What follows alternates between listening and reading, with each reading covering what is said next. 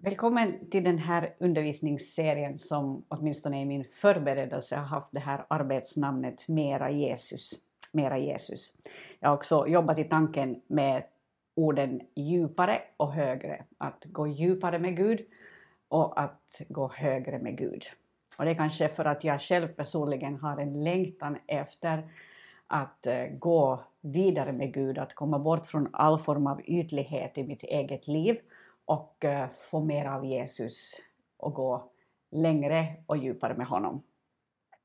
Eh, vi lever i en lite underlig tid, den här coronatiden, eh, och jag måste vara ärlig och säga att på ett sätt så gillar jag den lite därför att den ger en bra möjlighet till reflektion, till att revidera sitt liv, till att ladda batterier och till att omvärdera. Vill jag leva mitt liv så som jag har levt det så här långt? Vill jag att det ska se ut så som det har sett ut så här långt? Eh, jag läste ett citat, och jag vet inte vem det är som har myntat det här uttrycket, men jag ska citera det i alla fall. Jag hittade på nätet, det stod så här att in the rush to return to normal, use this time to consider which parts of normal are worth rushing back to. Alltså, i brådskan vi har att komma tillbaka till det normala, eh, så använd den här tiden till att fundera på vilka delar av det normala är värda att gå tillbaka till. Eh, och i den reflektionen så, så har det här temat fötts som jag kommer att tala om idag och några veckor framöver. Det handlar om Jesuscentrering, mer av Jesus, mindre av allt annat i mitt liv. Och jag ska börja med ett bibelord som har legat och ruvat på något sätt i, i mig under de senaste åren faktiskt. Och eh, det är Efesierbrevet 4 och det är i Efesierbrevet 4 som vi kommer att använda det mesta av tiden under de kommande veckorna i den här serien. Eh, det står så här i Efesierbrevet 4 i vers 11 och framåt. Jag läser till och med vers 16. Och han gav några till apostlar, andra till profeter, andra till evangelister och andra till herdar och lärare. Det skulle utrusta de heliga till att utföra sin tjänst att bygga upp Kristi kropp, tills vi alla når fram till enheten i tron och i kunskapen om Guds son till ett sådant mått av manlig mognad att vi blir helt uppfyllda av Kristus. Vi ska då inte längre vara barn som kastas hit och dit av vågorna och som förs bort av varje vindkast i läran, när människorna bedriver sitt falska spel och i sin list förleder till villfarelse. Vi ska istället växa Förlåt, vi ska istället i kärlek hålla fast vid sanningen och i allt växa upp till honom som är huvudet, nämligen Kristus. Från honom får hela kroppen sin tillväxt. Så byggs kroppen upp i kärlek och den fogas samman och hålls ihop genom det stöd som varje led ger, allt efter den kraft som är utmätt åt varje särskild del. Det här är nu en jätterik text, några verser och det är liksom proppfullt med viktiga saker. Eh, och vi kommer att titta egentligen på allt som, eller det mesta som finns i den här kontexten, men, men just nu skulle jag bara vilja understryka några saker här i början. Det står att Guds avsikt med oss alla troende, om vi börjar där, och då har vi redan hoppat över den första versen vi läste, men Guds avsikt med dig och mig, det är att vi ska eh, nå fram till en enhet i tron, och att vi ska mogna, att vi ska nå en manlig mognad, kallar Paulus det för, en manlig mognad som gör att vi blir helt uppfyllda av Jesus. Tänk dig, en människa som till sin natur, sin prägel, sin stil, sin karaktär, eh, sina gåvor är helt uppfylld av Jesus. När du träffar honom eller henne så träffar du en människa som är liksom proppfull av Jesus, som känns som Jesus. Det är målsättningen. Eh, och målsättningen är också att vi var och en, inte bara pastorerna eller de som, som jobbar i församlingen, utan att vi var och en ska nå fram eh, eh, till en mognad som gör att vi inte längre är som barn. Eh, och alla som har, som har eh, haft barn och som ser barn växa upp, jag har själv två tonåringar, eh, alla sådana vet att det tar tid för att barn ska mogna. Det, barn mognar inte så här rakt av och det finns inget barn som vid 4-5 års ålder kan betraktas som moget. Inte heller ens när ett barn är 15 så finns den där mognaden där som, som kommer med åren. Guds målsättning med oss är att vi ska nå fram till en mognad. Eh, och att vi ska nå fram till en enhet. Ett uttryck för mognaden är ju att vi orkar med varandra, att vi har en kärlek till varandra, att vi har en omsorg om varandra. Eh, och den här mognaden gör sen att Kristi kropp kommer i balans. Det här bara som en liten introduktion.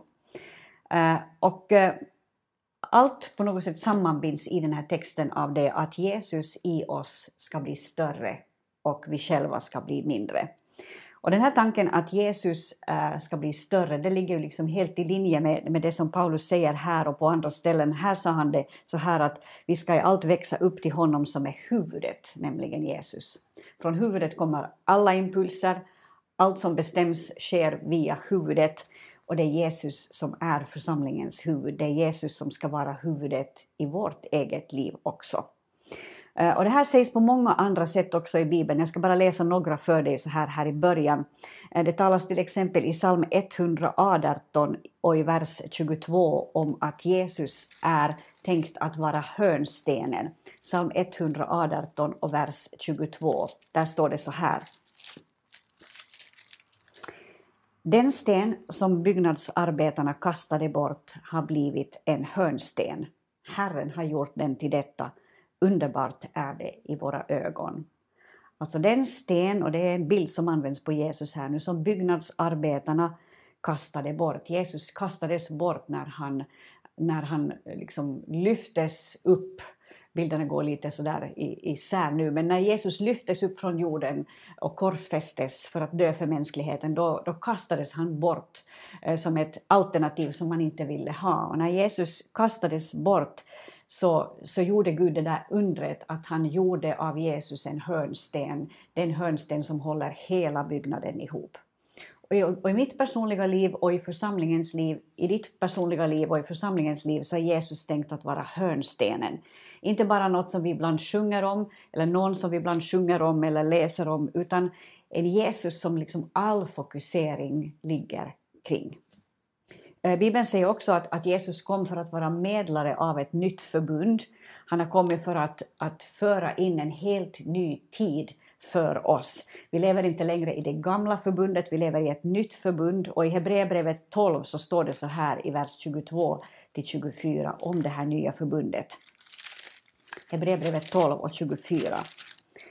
Eh, det står, eh, nej ni har kommit till Sions berg och den levande Gudens stad, det himmelska Jerusalem och till änglar i mångtusental till en högtidsskara, en församling av förstfödda som har sina namn skrivna i himlen, till en domare som är allas Gud och till andarna hos de rättfärdiga som nått fullkomningen. Vi har kommit till det nya förbundets medlare, Jesus, och till det renande blodet som talar starkare än Abels blod. Det här var också liksom, det var nästan som en diamant så här ur Guds rikes perspektiv. Det fanns så mycket i den här texten. Det sägs att vi har kommit till Sions berg, vi har kommit till den levande Gudens stad. Eh, betyder att den kristna församlingen inte bara eh, samlas på Fredsgatan 12 eller, eller vilken nu adressen är till din kyrka, utan, utan när vi samlas så har vi liksom himlen och hela det himmelska är, är någonting som omsluter oss och vi har inte bara det här jordiska perspektivet utan vi har kommit till den levande Gudens stad, vi är omgivna av en massa änglar och vi, vi firar gudstjänst i den miljön helt enkelt. Och vi har kommit till det nya förbundets medlare till Jesus vars blod talar mycket starkare än Abels blod. Jesus kallas också för början och slutet i Bibeln. Han är alfa och omega. Du kan läsa om det i Uppenbarelseboken 22, vers 13. Eh, han är början och han är slutet. Och därför så kan ingenting annat, ingen annan än Jesus vara centrum för församlingen. Och därför tänker jag så här att, att det jag vill ha eh, för resten av mitt liv, om jag då lever ett år eller, eller 20 år till eller 40 år till, så det jag vill ha det är mera Jesus och mindre av mig själv. Mera Jesuscentrering, mindre av allt annat. Därför att allt annat spelar eh, en, en så mycket eh, mindre roll. Och det är också den tanken som på något sätt, som jag uppfattade, som Paulus driver genom alla sina brev, som den nya, eller den kristna församlingen när den grundas, eh, driver hela tiden. Det är liksom mera Jesus och mindre av allt annat. Eh, och, och, när, vi, när vi gör utrymme för Jesus så gör vi utrymme för honom som i sin person exemplifierar allt det där som vi läste om i Efesierbrevet 4, den där texten jag läste om alldeles i början. Och den, den vers som jag också hoppade över när jag började den här förklaringen. Därför att det står att, att Gud, Gud har i sin församling satt in apostlar, profeter, herdar, evangelister och lärare som ska göra alla de heliga skickliga till att, till att göra sitt jobb eller till att gå i sin kallelse. Jesus är den eh, som i sin person äger allt detta. Han är en apostel, eller han var en apostel, han är en apostel, han är en profet, en evangelist, en herde och en lärare. Så när vi välkomnar Jesus i församlingens mitt så välkomnar vi alla de här olika aspekterna. Problemet med oss människor är att vi ofta är ganska så här smalspåriga och vi gillar liksom vissa saker, vi gillar vissa tankar eller vissa sanningar och så fastnar vi i det och så, så har vi liksom inte utrymme i vårt lilla sinne för någonting annat. Och jag hoppas att, att resultatet av den här undervisningsserien blir det att, att du på något sätt lär dig att acceptera all den bredd som finns hos Jesus och all den bredd som är tänkt att finnas i den kristna församlingen. Och jag skulle bara vilja enkelt gå igenom de här, de här tankarna som fanns i Efesierbrevet 4 eh, om vem Jesus är och visa på att han är allt detta som församlingen också är kallad att bli. Och det står om Jesus i eh, Matteus eh, 21, vers 10-11 så här. Alltså i Matteus evangelium, vers, eh, förlåt, kapitel 21 och vers 10 och 11 om Jesus på följande sätt. Och, han, och när han drog in i Jerusalem kom hela staden i rörelse och man frågade vem är han? Folket svarade det är profeten Jesus från Nasaret i Galileen. Och här har folket, det är inte, det är inte liksom de religiösa ledarna, det är inte ens lärjungarna som har vandrat en liten tid med Jesus, utan folket har registrerat att Jesus är en profet. Och det är inte dåligt. Folket har registrerat att Jesus är en profet. Att när Jesus kommer så kommer liksom en insikt med honom som är mycket mera än det här vanliga mänskliga. När han talar med oss. När han talar med mig så finns där en kännedom om mitt liv som bara en profet kan ha. Det var så människor uppfattade honom och det ser vi ju när vi läser evangelierna. Jag har inte tid nu att gå igenom alla exempel men det finns massor med exempel när Jesus kommer in i olika sammanhang och eh, han börjar tala med någon människa och människor känner sig helt avslöjade därför att han helt och fullt känner dem. Han är en profet, han har en profetisk kunskap om dem, om vem de är. Eh, Jesus är, är en, en profet. Eh, och det står, eh, det stod alltså här att, att, att folket registrerade det är profeten Jesus Kristus från Nasaret. Och det, den aspekten ser vi alltså i hans liv. Jesus är också en apostel. Eh, det står i Hebreerbrevets tredje kapitel i de tre första verserna om Jesus som apostel. Hebreerbrevet 3, 1-3. Och jag läser det för dig så får du sammanhanget. Därför, heliga bröder, ni som har fått ta del av en himmelsk kallelse, se på Jesus, den apostel och överstepräst som vi bekänner oss till. Han var betrodd av den som hade insatt honom, liksom Mose var betrodd i hela Guds hus. Men Jesus är värd mycket större ära än Mose, eh, liksom byggmästaren är värd mycket större heder än själva huset. Här stod det att Jesus är den apostel och överste präst som vi bekänner oss till. Så Jesus som vi alltså vill göra utrymme för i församlingen, så mycket utrymme som det bara går på alla sätt. Jesus är inte bara profet när han kommer till oss och känner liksom till allt möjligt, också alla hemligheter i vårt liv. Han är apostel, säger Hebreerbrevsförfattaren här. Jesus eh, är den apostel och överste präst som vi bekänner oss till. Och en apostel är ju en församlingsgrundare, en församlingsbyggare verkligen. Och, och det var också Jesus. Eh, det står om, om Jesus att han säger eh, i, i Matteus 16 kapitel att han ska bygga sin församling. Jag ska bygga min församling och dödsrikets portar ska inte vara församlingen övermäktig. Jesus är församlingsbyggaren, så när han kommer till oss så kommer han inte bara till oss som, som profet med en sån här profetisk insikt om våra liv, utan han kommer också till oss som en apostel. Han kommer till oss som församlingsbyggare. Så när vi bygger församling så så, så lönar det sig inte bara att vi tänker att okay, nu ska vi liksom titta på vad gör Hillsong eller vad gör någon annan fräsch, sån här, något annat fräscht sammanhang nu, utan vi ska titta på det här, hur gör Jesus? Hur bygger Jesus? Uh, vad gör han? Vilka, vilka prioriteringar gör han? Och då tror jag att vi hamnar mera rätt. Men Jesus är inte bara apostel och profet, han är också evangelist. Vi ser den förebilden hos honom. Det står i Jesaja 49, och det här är en profetisk text om Jesus, så det här är inte ur evangelierna, men i Jesaja 49 så står det så här i vers 5 och 6. Nu säger Herren, han som från moderlivet danade mig till sin tjänare för att föra Jakob tillbaka till honom, så att Israel samlas hos honom. Ty jag är ärad i Herrens ögon och min Gud är min starkhet. Han säger, det är för lite för dig, då du nu är min tjänare, att endast upprätta Jakobs stammar och föra tillbaka de bevarade av Israel. Jag ska sätta dig till ett ljus för hedna folken, för att du ska bli min frälsning in till jordens yttersta gräns. Jesus skulle bli till ett ljus för hedna folken. Hedna folken är ju de som, så här förenklat uttryck, inte kände till Guds vägar, inte följde Guds vägar. Och Jesus skulle här, det här är liksom en profetisk text om Messias, står det här som överskrift på Jesaja 49. Jesus skulle bli uh, ett ljus för hedna folken. Och när evangelisten kommer till oss, när Jesus kommer som evangelist till oss, så då, lyses, då lyser liksom ljuset på honom. Och det är ju det också som en, en sån här varje mänsklig evangelist också får till stånd på grund av den smörjelse som ligger över det människans liv. Att det blir liksom en fokusering på vad Jesus har gjort, på vad Jesus har levererat och på vad han vill ge i våra liv. Det är evangelistens tjänst. Jesus kommer som ett ljus för hedna folken. Och honom behöver vi mer av.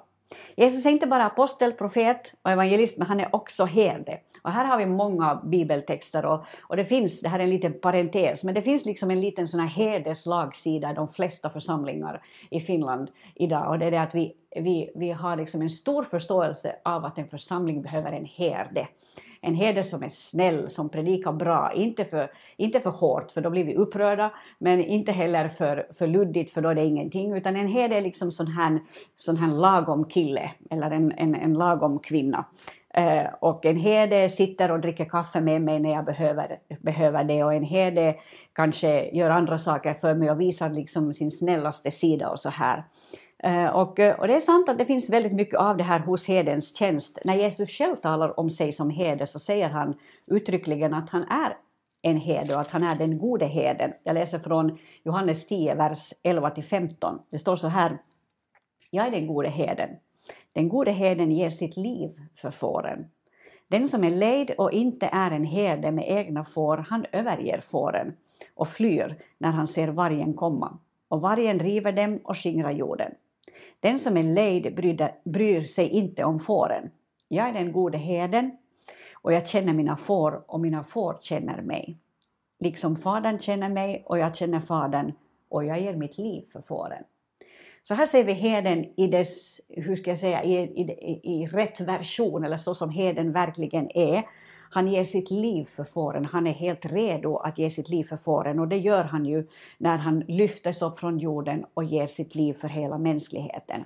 Och till herdens prägel hör just detta att det finns ett hjärta för fåren. Det finns en kärlek till fåren, det finns en ömhet för fåren. Det finns liksom den här attityden av att jag kan gå hur långt som helst för de här människorna.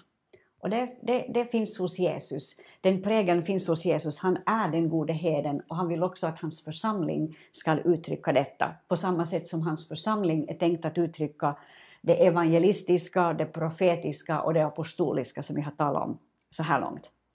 Eh, och sen är nu, Jesus är inte bara apostel, profet, evangelist och herde, han är också lärare. Han är också förebild i detta. När Jesaja profeterar om Messias som ska komma så talar han om, om om Messias som är underbar i råd, väldig Gud, evig fader och fridsfurste. Du hittar det i Jesaja, 9, kapit eh, Jesaja kapitel 9, vers 6.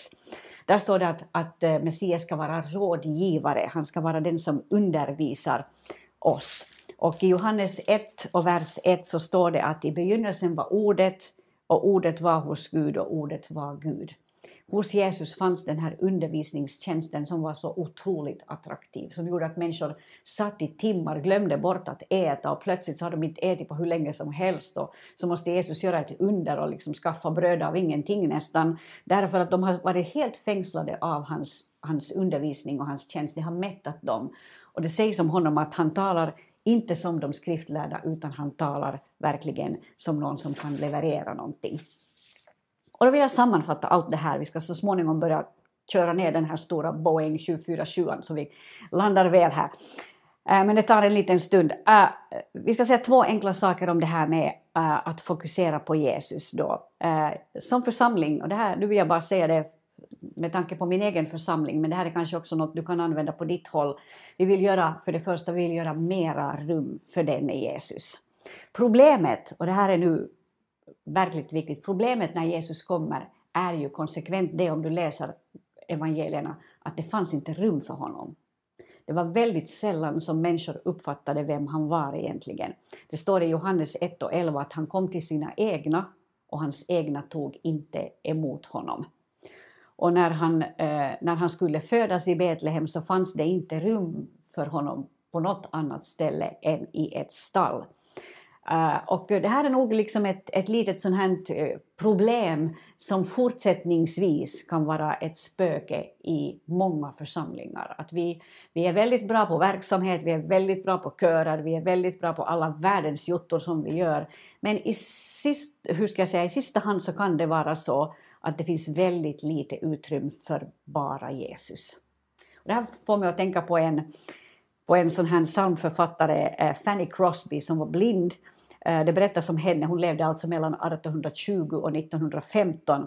Det berättas om henne att hon hade fått en sån här förfrågan om hon skulle skriva en psalm som skulle handla om det här att, att Jesus gå inte förbi mig. Pass me not, O Savior.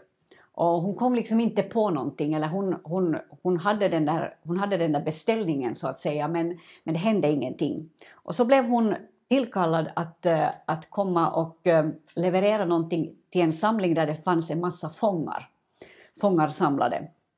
Och de här fångarna var på knä på golvet så som, så som det beskrevs i den text jag läste. De var på knä på golvet och så hör hon en av de här fångarna be alldeles så här full av nöd och med, med liksom tårarna rinnande längs ansiktet. Han bad så här Pass me not, O gentle Savior.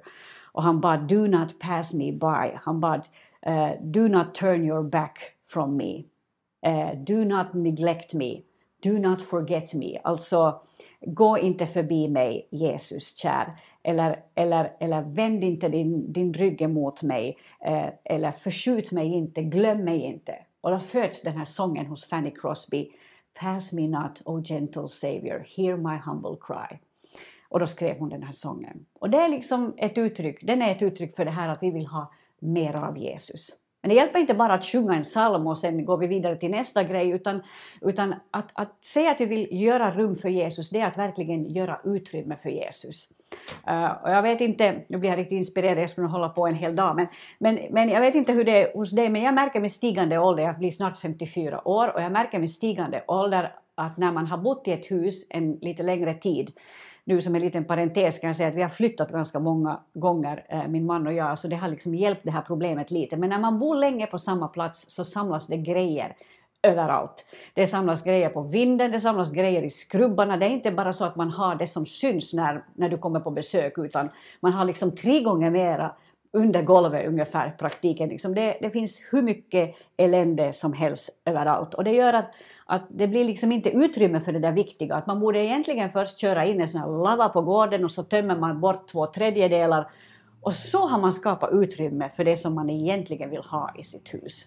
Så när vi flyttade till Vasa här för tre år sedan, lite mer än tre år sedan, så då beställde vi en sån här lava som vi hade där på gården och så slängde vi hela lavan full med en massa grejer och förde till Kirpis, förde till olika ställen en massa saker och flyttade bara med det nödvändiga. Och ändå, I am sorry, ändå har vi ännu alldeles för mycket.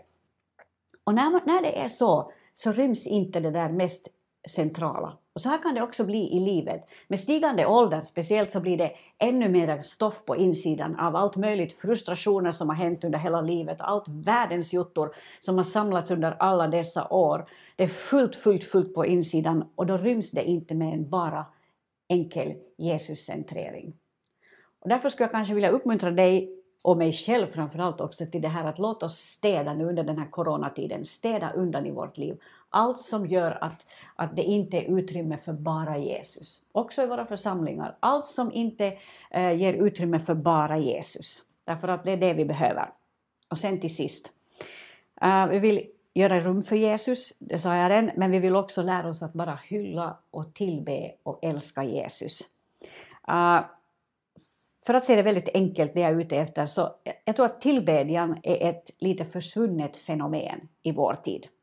Vi kan det här med att sjunga sånger som troende, alltså vi predikar och vi ber och vi undervisar. Men när vi, när, om vi skulle säga så här att låt oss bara tillbe Jesus nu, så tror jag att de flesta församlingar skulle bli ganska ställda. Vad ska vi göra då? Ordet tillbedjan eh, på grekiska eh, är proskuneo och det betyder ordagrant komma för att kyssa. Komma för att kyssa. Så när vi kommer för att tillbe Gud, då kommer vi för att ge honom vår kärlek. Inte för att sjunga en psalm, inte för att ens sjunga en, en modernare sång, inte för att, att hålla ett tal, utan komma för att kyssa, för att ge honom vår kärlek. Och jag tror att det stora problemet ibland är det att det med oss är som det var med en av de här församlingarna i Uppenbarelseboken, att vi har övergett vår första kärlek. Och vi har tappat förmågan att bara älska Jesus. Så syftet med den här undervisningsserien det är att, att vi ska hitta tillbaka till bara Jesus, till det enkla, till, till honom som drar oss högre, som drar oss djupare mot sig själv. Så att, att allt det där övriga får på något sätt mista sin funktion och sitt grepp. Och det ska vi be om här till sist och så återkommer vi om någon vecka. Jesus, tack för att vi får verkligen be om det här enkla, att kunna komma tillbaka till den första kärleken. Hjälp oss att inte fastna i vare sig sådana här saker som har hänt i vårt liv och som gör oss felfokuserade eller fastna i sånt som kunde kallas för bra program eller bra eh, sån här, ja, såna ytliga saker som pågår runt omkring oss, utan hjälp oss att låta dig dra oss in i det allra heligaste där det handlar om bara du och vi. Jesus lär oss att bara komma för att tillbe dig, komma för att kyssa. Lär oss att söka dig av hela vårt hjärta. Lär oss som församlingar att göra utrymme för dig. Jesus, vi vill se dig som profet, som apostel, som herde, som evangelist, som lärare mitt ibland oss. Och vi vill se dig resa upp de tjänstegåvorna i våra församlingar, så att det av våra vänner och bekanta som vi har där plötsligt får resas upp människor som är apostoliskt begåvade, människor som är profetiskt begåvade, som är evangelistiskt begåvade, som är rena lärargåvor, eh, som är herdagåvor, Herre Jesus. Låt församlingen bli hela eller gå in i hela den bredd som du har tänkt för den. Det ber vi Herre Jesus om i ditt namn. Jag ber om välsignelse över alla som har lyssnat. Låt ordet bära frukt till ditt namns ära. Amen.